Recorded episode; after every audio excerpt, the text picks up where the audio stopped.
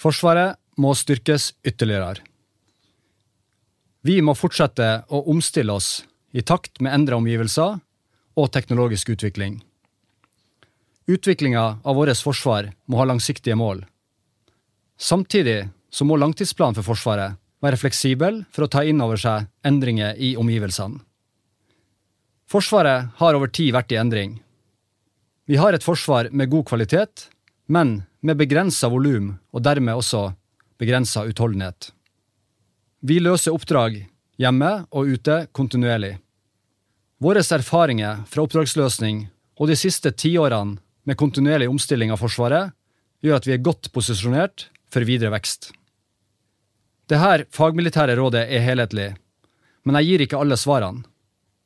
Jeg har helt bevisst valgt å angi en retning gjennom å anbefale fem fokusområder for den fremtidige utviklinga av Forsvaret. Gjennom disse fokusområdene ønsker jeg å styrke Forsvarets utholdenhet og evne til å håndtere krevende situasjoner. Styrkinga innebærer for det første å utbedre kjente svakheter i dagens struktur. I tillegg vil jeg styrke Forsvarets evne til å operere i det maritime domenet og øke evnen til å beskytte både militære og sivile mål mot lufttrusler. Et fjerde fokusområde tar sikte på å øke Forsvarets evne til å bekjempe mål på lange avstander. I det siste og femte fokusområdet fremmer jeg forslag som styrker Forsvarets evne til utholdenhet gjennom en ytterligere økning av Forsvarets volum utover de øvrige anbefalingene. Forrige helhetlige fagmilitære råd ble gitt i 2019. Siden da har det skjedd betydelige endringer. Vi har vært gjennom en pandemi. Vi har trukket ut av Afghanistan etter nesten 20 år med operasjoner. Vi har opplevd et fullskala russisk angrep på Ukraina.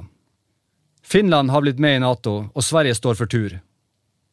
Effekten av klimaendringer er akselererende, og igjen så foregår det et våpenkappløp mellom stormakter som USA, Kina og Russland.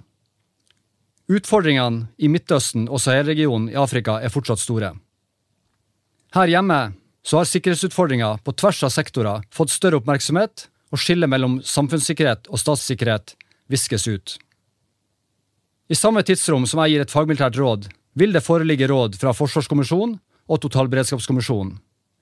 Jeg vil derfor fortsette å gi fagmilitære råd i utarbeidelsen av neste langtidsplan. Våre politikere må ta både kortsiktige og langsiktige valg og prioriteringer basert på alt det kunnskapsgrunnlaget i de rådene som nå er blitt forelagt.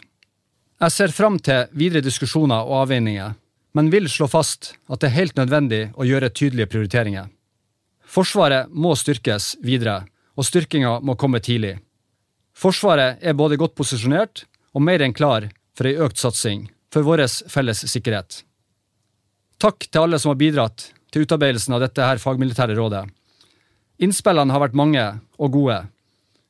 For meg har det vært viktig at hovedlinjene i rådet har bredest mulig støtte i Forsvarets ledelse, på tvers av grener og domener, hos arbeidstagerorganisasjonene og i øvrige etater i forsvarssektoren.